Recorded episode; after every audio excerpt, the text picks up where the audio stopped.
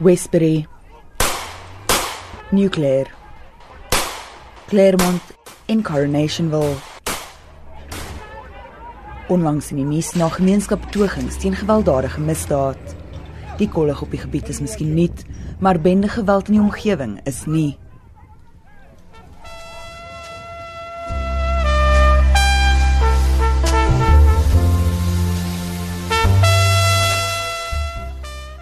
In die vroeë 1950s en 1960s is die gemeenskappe wat ons Fightown grens almal geraak deur die puls van die multikulturele veelrassige woonbuurt. I can hear the music from Fetty's bar. I can see my past passing by. Ten spyte van die armoede en onderdrukking, was dit 'n tyd van jazz.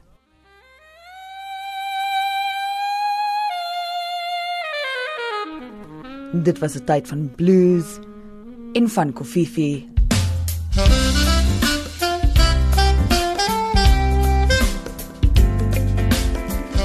Dit was 'n era van aktivisme, van kultuur, van intensiteit en van soul.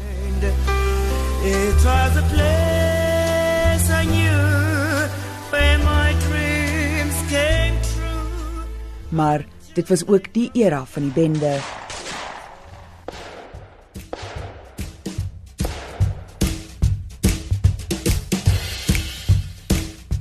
In die laat 50er jare was georganiseerde misdaadbendes in beheer van wat toe bekend was as die Western Colored Township, die ou Western of die Kas.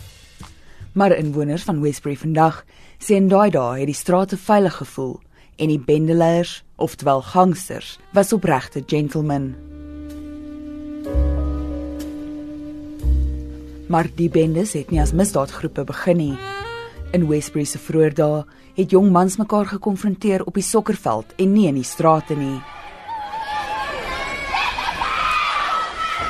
Maar kort voor lank was die sportterreine nie groot genoeg om die wetywering te beheer nie en het die spanning in die strate van die ou Western begin afspeel. Sportspanne het ontwikkel en gegroei tot iets meer.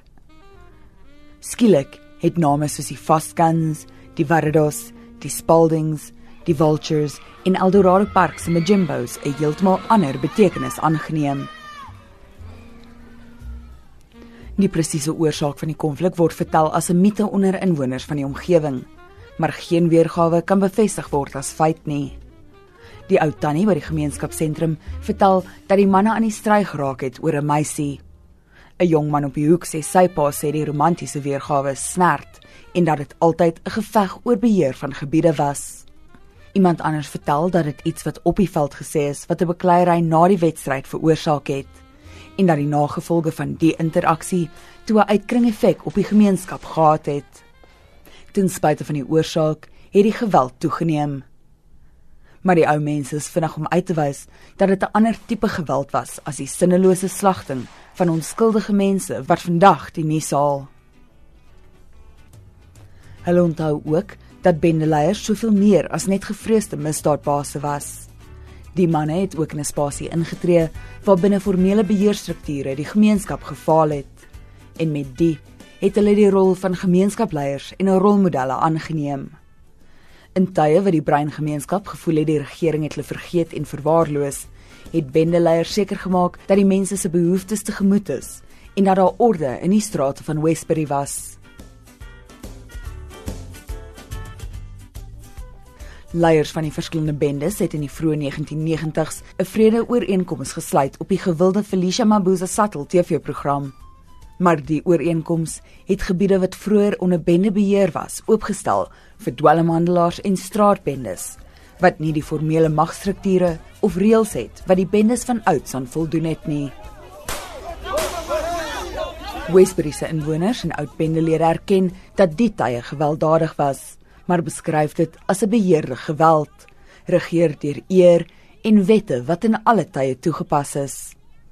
Ten spyte van die konflik tussen bendes in die gemeenskap, sê inwoners dat hulle altyd veilig gevoel het.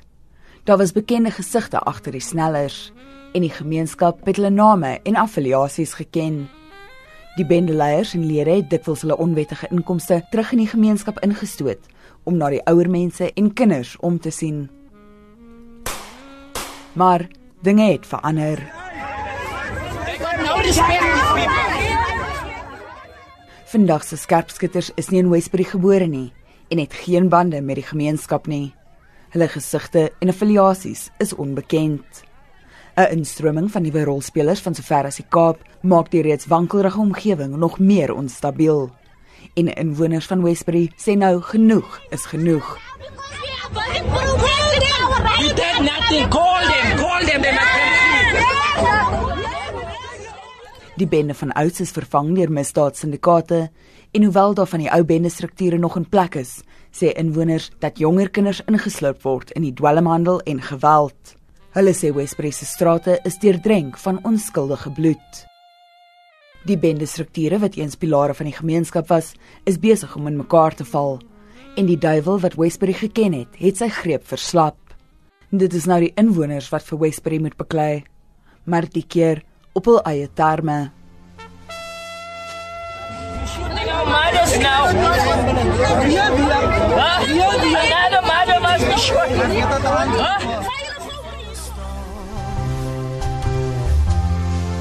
I can see police on a winter night breaking down the place where I was born.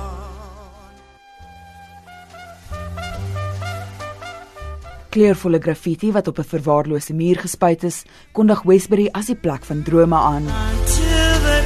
Down. Inwoners glo dit kan steeds die geval wees met die regte ingrypings. Tog hoop hulle dat die drome kan waar word sonder die slagting, sonder die bloed en trane van die verlede. Ek is Jemaine Krige vir SAK nuus in Westbury. Until they broke it down.